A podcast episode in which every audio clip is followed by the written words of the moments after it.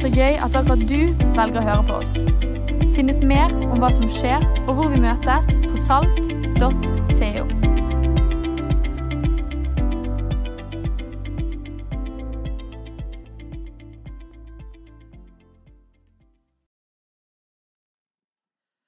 All right. Hei, folkens. Hei. Stas. Kjekt å se dere. Tusen takk, Åsmund. Går det fint? Bra. Det går fint med meg òg. Takk for at du spurte. La meg be en bønn, og så kommer vi i gang. Herre Jesus, vi takker deg for den du er. Takk for at vi får lov å leve ut ifra hva du har gjort for oss. At du er den Gud som står med åpne armer, full av nåde, og tar oss imot. Og Jesus, jeg bare ber om at eh, dagens tema og dagens tale skal lande godt inn i livene til de som lytter på. Amen. Er det fint å være i kirka i dag? Ja, det syns jeg òg. Jeg eh, har ikke vært her på et par uker. Um, og litt, jeg har reist litt vekk og sånn. Eh, hovedgrunnen er at jeg har vært på tur med Bibelskolen Substans. Ja, ja, Det har vært veldig, veldig gøy. Jeg kunne gitt dere masse høydepunkt. Jeg har tenkt å gi dere noen low eh, lights i stedet for noen highlights. Det går fint, sant? Eh, fordi eh, jeg har funnet ut eh, en ting på denne turen, og det er en ting jeg aldri trodde jeg måtte finne ut i livet. Og det er nemlig hva som er verst av å være på en plass der vannet smaker blod, og å være på en plass der vannet lukter egg. Ja, for vi har nemlig vært eh, på litt sånne plasser i Norge der, eh, der vannet er rart. Eh, grunnen til at vannet lukta egg, var at det var veldig stor grad av hydrogensulfid i vannet. Mm.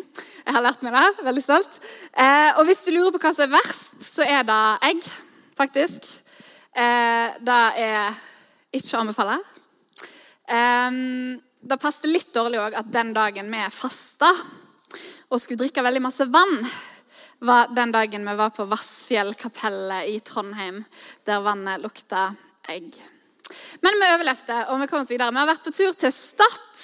Vi har vært på tur eh, til Helgeland, altså en bitte, bitte liten tur innom eh, et kapell, kapell, i Trondheim.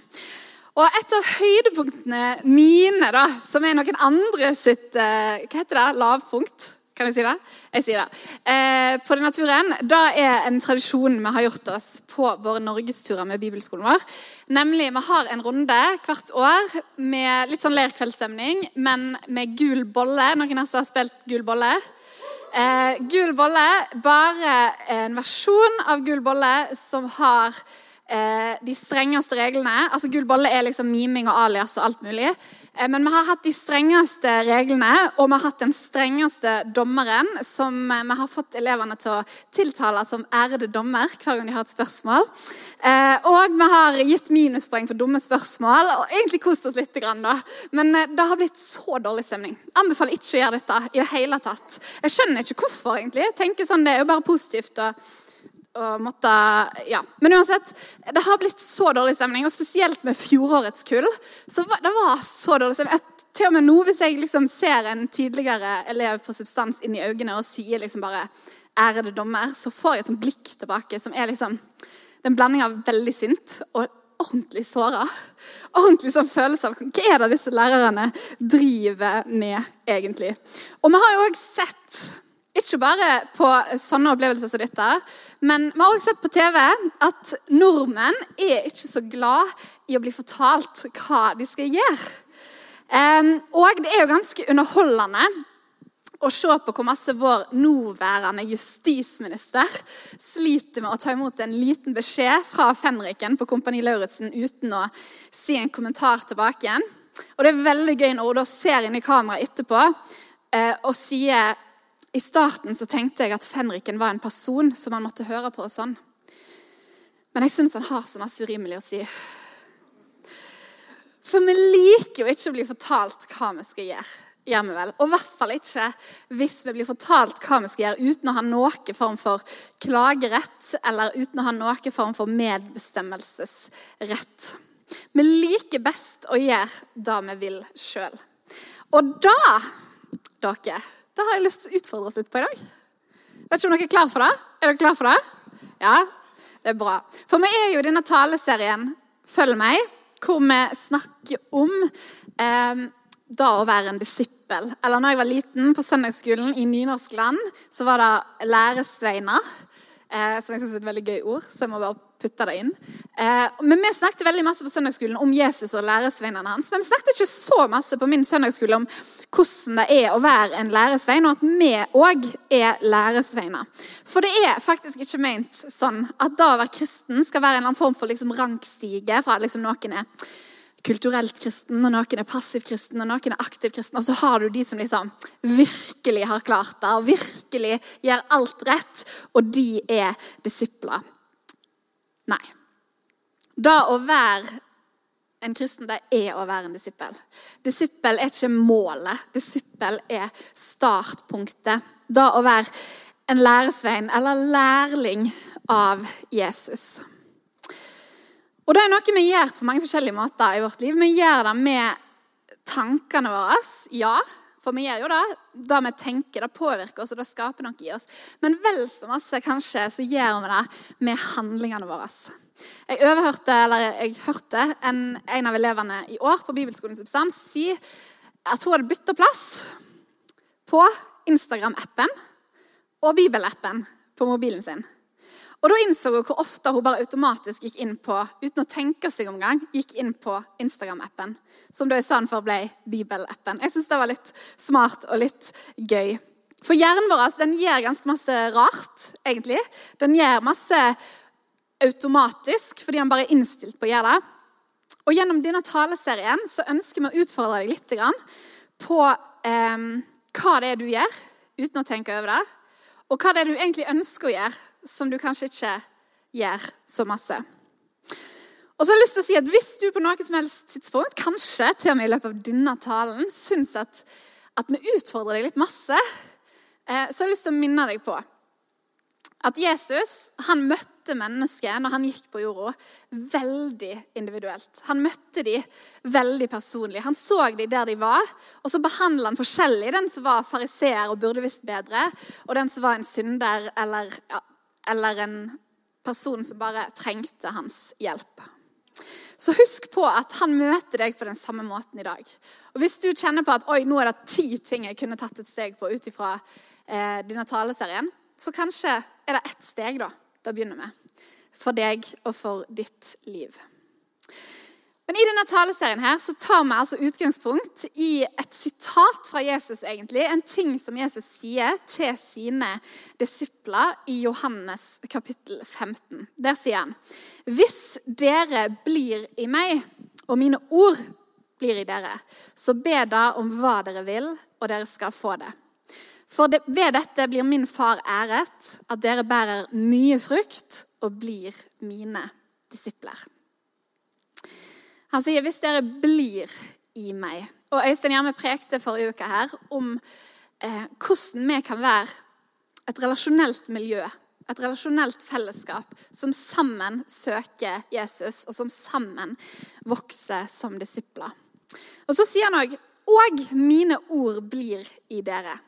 Og Der kommer jeg til å stoppe litt opp i dag. Der kommer jeg til å snakke litt om i dag. Fordi det jeg skal snakke om i dag, det er at et kjennetegn ved en disippel er jo kjærlighet. Men den kjærligheten kommer fram ved at vi faktisk er lydige til Guds ord. Um, og Så sier han videre at uh, et, et, annet kjennetegn ved en disippel er at vi bærer mye frukt. Det skal vi snakke om neste uke. Eh, og at ved da, ved en disippel sitt liv, sin lydighet og sin frukt, så blir Jesus sin far, det er altså Gud, æra. Og det skal vi snakke om om noen uker. Så i dag er det altså det veldig fine ordet som alle elsker i 2022 lydighet. Og jeg vet ikke ja, jeg vet at det er ikke et ord du bruker så ofte i hverdagsspråket ditt. Kanskje du gjør det hvis du har hund. Kanskje. Men følg med nå i noen minutter, så håper jeg du kommer til å kjenne at selv om det er et utfordrende tema, et utfordrende ord, så håper jeg du kommer til å kjenne at det lander godt i ditt liv. I dag skal vi lese fra kapittelet før det som eh, Jesus sier, nemlig i Johannes 14. Så skal vi lese en tekst derfra. Den, den er litt lang, så du skal få lov å følge godt med på skjermen bak meg. Johannes kapittel 14 fra vers 15. Der står det. Og Jesus snakker til disiplene i den samme talen. Dersom dere elsker meg, holder dere mine bud. Og jeg vil be Far, og han skal gi dere en annen talsmann, som skal være hos dere for alltid. Sannhetens ånd, som verden ikke kan ta imot. For verden ser ham ikke og kjenner ham ikke. Men dere kjenner ham, for han blir hos dere og skal være i dere. Jeg lar dere ikke bli igjen som foreldreløse barn. Jeg kommer til dere. Snart ser ikke verden meg lenger, men dere skal se meg, for jeg lever, og dere skal også leve. Den dagen skal dere skjønne at jeg er i min far, og dere er i meg, og jeg i dere. Den som kjenner mine bud og holder dem, han er det som elsker meg. Og den som elsker meg, skal min far elske. Ja, også jeg skal elske ham og åpenbare meg for ham. Judas, ikke Judas Iskariot, viktig poeng, sier til ham, 'Herre, hvorfor skal du åpenbare deg for oss og ikke for verden?' Og Jesus svarte, 'Den som elsker meg, vil holde fast på mitt ord.' 'Og min far skal elske ham, og vi skal komme og bo hos ham.' Jeg vet ikke hva assosiasjoner du har til lydighet. Jeg tenker på diktatorer, på hundeoppdrett og på tvang. Og så tenker jeg litt på dette bildet her som eh, jeg syns ser ut som en person som krever lydighet. Og det som er litt eh, gøy og morsomt for meg, er at dette er det bildet som blir vist på informasjonssida om min personlighetstype. Eh, men jeg lover at jeg ikke er så streng på ekte. Kanskje litt i timene av og til. Men hvis du tenker på noe av det samme som meg, eh, så har vi jo en liten jobb å gjøre før vi kan snakke om liksom, de gode sidene ved lydighet til Guds ord. For hvem som er mottaker av lydighet, det forteller oss alt om hvor bra det er å lyde. For eksempel, si du har en eh, eh hund som har en fæl eier. Sånn der tegnefilm eh, ons, ondskapsfull figur til eier, um, så er det litt dumt om den hunden lærer seg å lye den eieren. Men hvis du har en hund som har en god og snill eier, så er det veldig bra om den hunden lærer seg å lye den eieren. På samme måte så kan det faktisk være galt å være 100% lovlydig hvis du bor i et land der loven er korrupt, eller lederne er korrupte og loven ikke er god. Men det er jo god ting og en god verdi å være lovlydig hvis du følger en god lov. Eller hvis du f.eks. skal hoppe i fallskjerm, så er det nok veldig lurt av deg å lyde de beskjedene som du får. Vi lever i en tid hvor vi er veldig opptatt av å tenke sjøl. Og det er jo fordi at vi historisk sett har sett de negative konsekvensene av blind lydighet. Vi har sett de negative konsekvensene av at noen ikke tenker sjøl, men bare følger det de blir fortalt. Og Derfor er det bra. Det er bra at vi ikke følger politikerne våre blindt. Vi ikke følger tradisjonene våre blindt. Og at vi til og med ikke følger pastorene våre blindt. Men problemet kommer hvis vi sidestiller da å følge en politiker sine beskjeder, eh, eller da å følge pastoren din sine beskjeder, med å følge Guds ord. Fordi mottakeren av vår lydighet, nemlig Guds ord, gjør lydighet til ordet verdifullt og meningsfullt. Da å være lydig mot og lojal til Guds ord er noe av det som former oss aller, aller mest som disipler.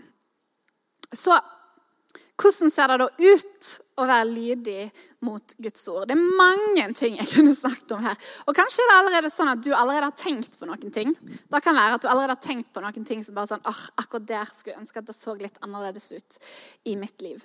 Men jeg kommer til å gi deg noen veldig praktiske eksempler i dag som vi kan lese om i Jakobs brev.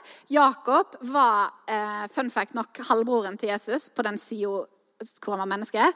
Eh, og han skriver til den tidlige kirka, hvor han var en leder, om hvordan vi kan være gjørere av ordet, og ikke bare hørere av ordet.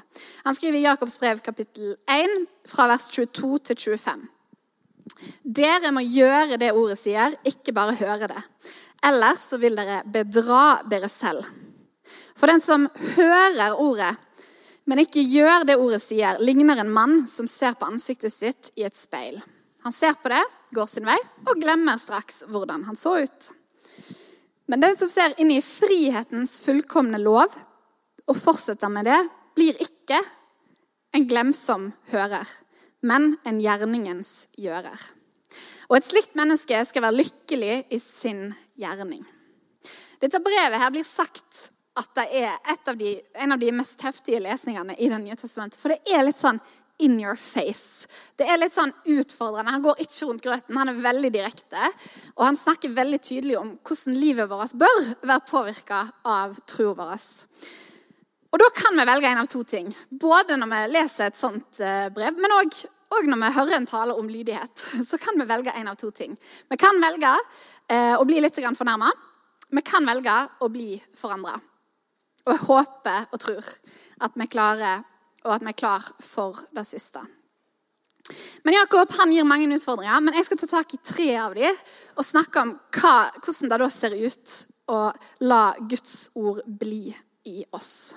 Den første utfordringen som han gir, er at han forteller en fortelling om to forskjellige mennesker som kommer inn i kirka.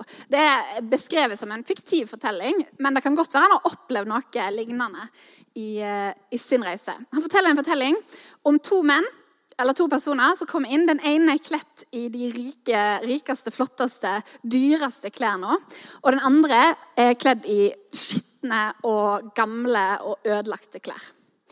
Og så sier han når de kommer inn i forsamlingen, så behandler forsamlingen de litt forskjellig. Til den rike, den fint kledde, så sier de Å, så flott at du er her i dag. Kom og sitt på den beste plassen her. Mens til han som kommer inn uten, med fattige klær og med dårlige klær, så sier forsamlingen ja, du kan se om det er ledig plass til deg bak i et hjørne. Og så sier Jakob dette her. Har dere ikke da skapt et skille blant dere? På denne tida her, som Jakob skriver til, og som Jesus levde i, så var det sånn at omtrent 95% av hele befolkningen levde i fattigdom.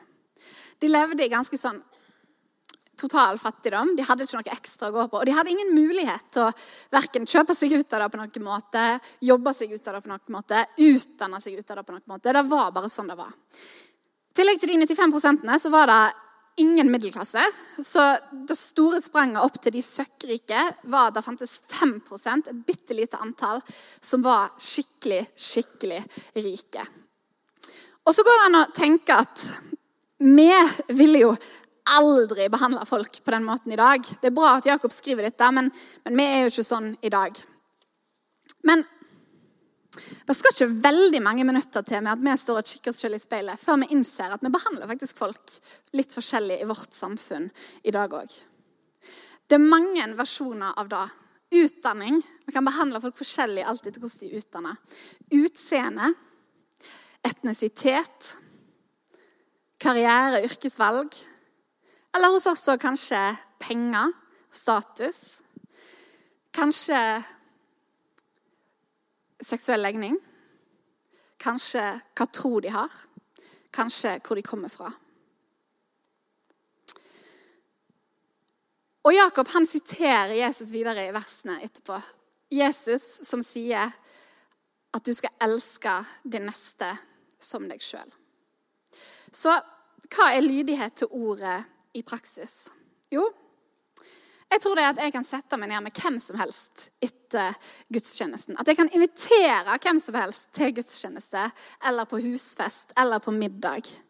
At jeg kan gi hvem som helst et kompliment. At jeg tør å bli sett sammen med hvem som helst, f.eks. For, for Bibelen den sier veldig mange ganger at Gud han gjør ikke forskjell på folk.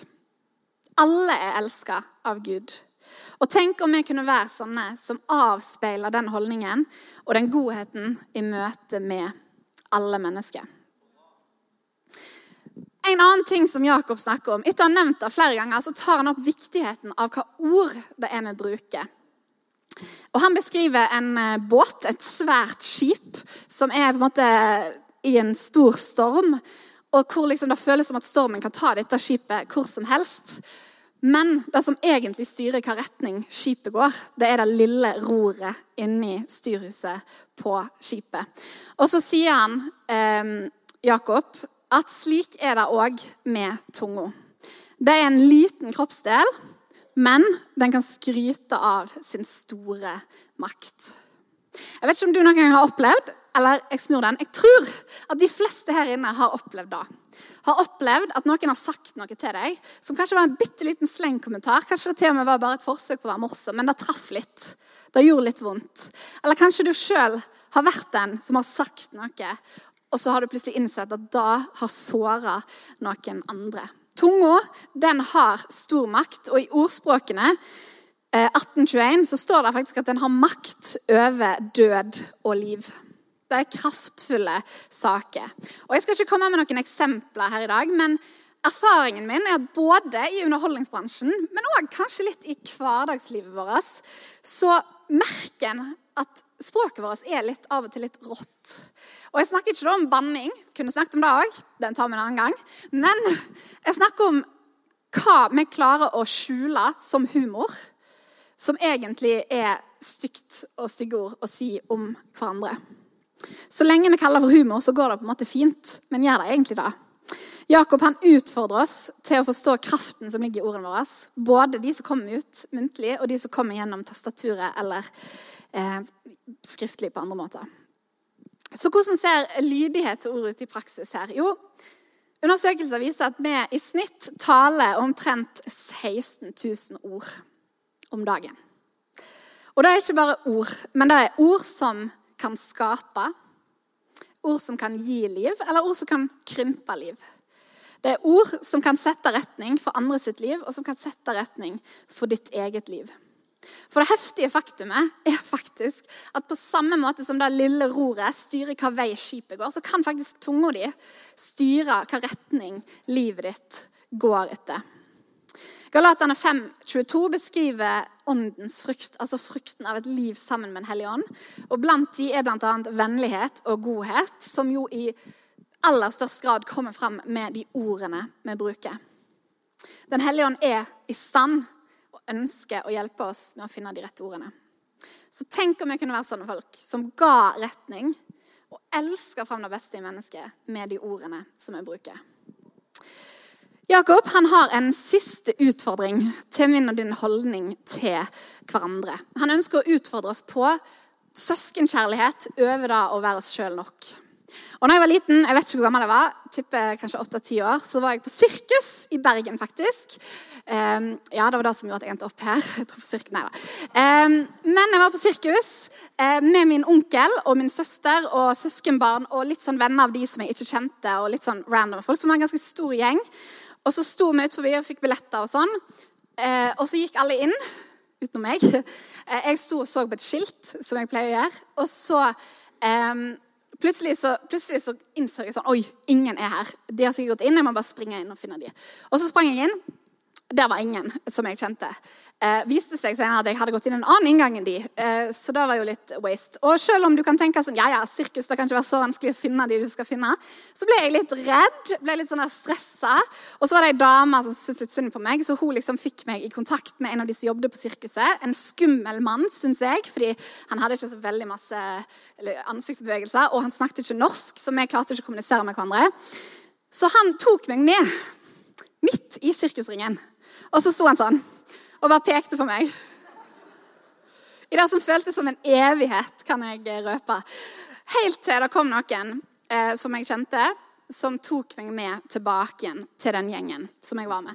Og da Jakob utfordrer oss på i den siste utfordringen her, da er egentlig oppfører oss litt som sirkusartisten. på en måte.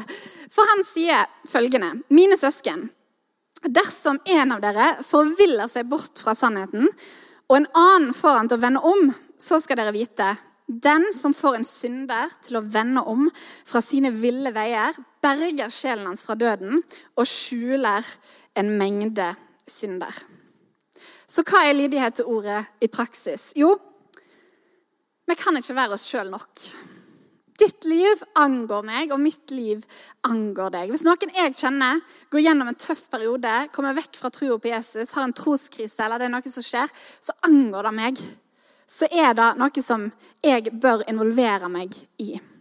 Og selvfølgelig er det sånn at det er opp til hver enkelt å bestemme sjøl hva en vil tro på. Selvfølgelig er det sånn. Men Jakob han utfordrer oss på at det kristne fellesskapet bør strekke seg ut når noen er på vei vekk. For tro er personlig, men det er ikke en privatsak. Vi er kalt til å bry oss om hverandre. Og I en biologisk familie så er det jo sånn at når eh, eh lillesøster og de, eller kusina di eller niesa de går seg vill på et sirkus, og du finner henne igjen, så er vi så glad for det. Og så får du popkorn av alle sammen. Eh, og litt sukkerspinn. Det var veldig gøy. Eh, for jeg liker ikke egentlig popkorn. Men eh, uansett I en biologisk familie så er det en, en selvfølgelighet. Og vi er søsken i Kristus, vi som tror på Han. Det bør treffe oss, det bør berøre oss hvis en av våre søsken går seg vekk. Så tre utfordringer fra Jakob her. Og det finnes så mange andre ting vi kunne snakket om på hva det vil si å være lydig til Guds ord.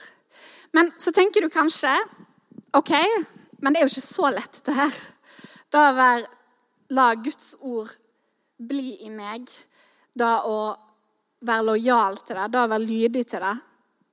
Det er ikke så lett. Kanskje tenker du jeg vil, men jeg får det ikke til. Hvor skal jeg begynne? Og som med de fleste tingene her i livet, så tror jeg ikke eh, at den beste måten å begynne på er å tenke sånn Nå skal jeg være lojal! Nå skal jeg være lydig! Jeg tror ikke det viktigste er å fokusere på enderesultatet. Jeg har to tips til deg hvis du syns dette er vanskelig. Og det tror jeg nok de fleste av oss gjør på et eller annet vis. Det første er velg å elske Guds ord. For lydighet til Jesus sine ord det starter jo med relasjonen og kjærligheten til Jesus. Og Når jeg sier kjærlighet til Jesus, så mener ikke jeg sånn den varme, flotte følelsen av at alt er bra. Jeg mener det valget som vi tar av å elske. For problemet hvis vi har lydighet uten kjærlighet, det er at vi blir loviske. Da blir vi sånn at sånn, å, jeg skal være lydig bare for å være lydig. Og så syns jeg at du burde være lydig bare for å være lydig. Og du burde være lydig. Og så blir vi litt sånn loviske. Og hvis du har sittet her og tenkt i løpet av denne talen på et eller annet tidspunkt at sånn, oi, skal vi bli loviske nå? Så nei, vi skal ikke det. Vi skal ikke bli opptatt av loven bare for lovens skyld. Vi skal ikke bli opptatt av lydighet bare for lydighets skyld. Det er ikke eh, det det handler om. Lydighet til Guds ord det er en overgivelse til å si Jesus, jeg har valgt å følge deg, og nå ønsker jeg at mitt liv skal bære preg av det. Jeg syns den britiske forkynneren Charles Spurgeon sier det bra.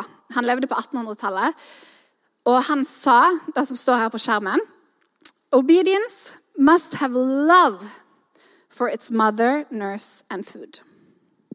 The essence of obedience lies in the hearty love which prompts the deed rather than in the deed itself. Det han sier, er at lydighet det må være født ut av, og det må være mata av kjærlighet.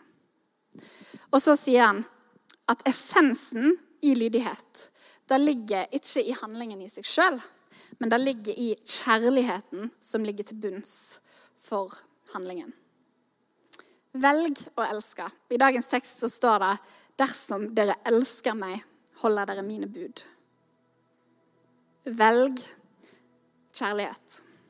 Det er et valg du tar, det er ikke en følelse du har. Det er en handling. Kanskje er det den lille, bitte lille handlingen av å bytte plass på Instagram-appen og på Bibel-appen, og plutselig så har du lest dagens vers 30 ganger den dagen i stedet for å se på en story 30 ganger den dagen. Kanskje er det en litt mer bevisst, intensjonell, regelmessig valg om å la Guds ord få en plass i din hverdag.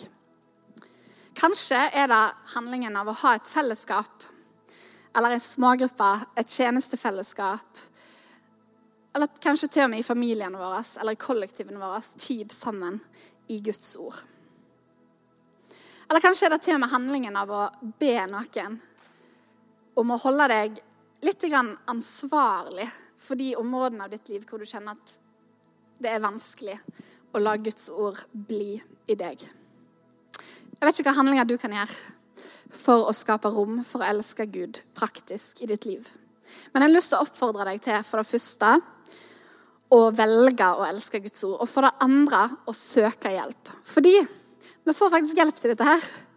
Jesus har en veldig sånn gøy overgang synes jeg, av at han først sier at den som elsker meg, eh, holder mitt bud. Og så rett etterpå så sier han og jeg vil be min far.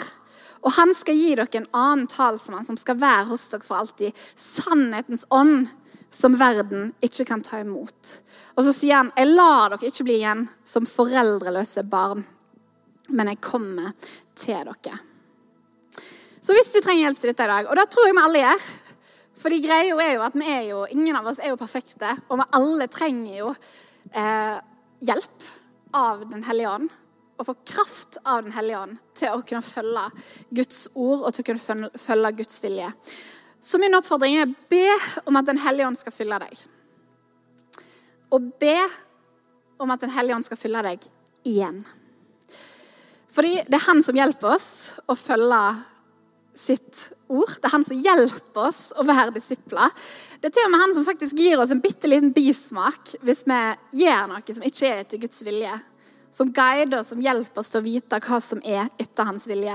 Og så ikke minst så er det han som gir oss kraft til å gjøre de tingene som vi vet er rett. La oss reise oss opp sammen, så skal vi be sammen. Herre Jesus, jeg takker deg for ditt ord. Jeg takker deg for at ditt ord da er den viktigste ressursen vi har til å kjenne deg. Den viktigste, helt konkrete tingen som vi kan ha her på jorda, er ditt ord. Og Jesus, jeg takker deg for at eh, vi kan få leve ut ifra det. Men jeg takker deg òg for at det ikke er en konkurranse, eller det er ikke noe vi eh, skal gå rundt og føle ja, at vi ikke strekker til på. Men det er noe du ønsker å hjelpe oss inn i. Du ønsker å hjelpe oss inn i ditt ord. Du ønsker å hjelpe oss å bli bedre kjent med ditt ord. Du ønsker å hjelpe oss å bli fylt av din ånd til at vi kan kunne leve sånne liv i lydighet til ditt ord. Akkurat nå så ser du hele dette rommet, og du ser hvordan dette temaet lander i folk sine liv. Og jeg bare ber om at du skal ta vekk der det fins fordømmelse, og at du skal komme med din nåde, din kraft og din visdom. I Jesu navn. Amen. Vi lovsynger litt, og så skal vi be litt til. Så skal vi lovsynge litt til. Kvelden er ennå ung.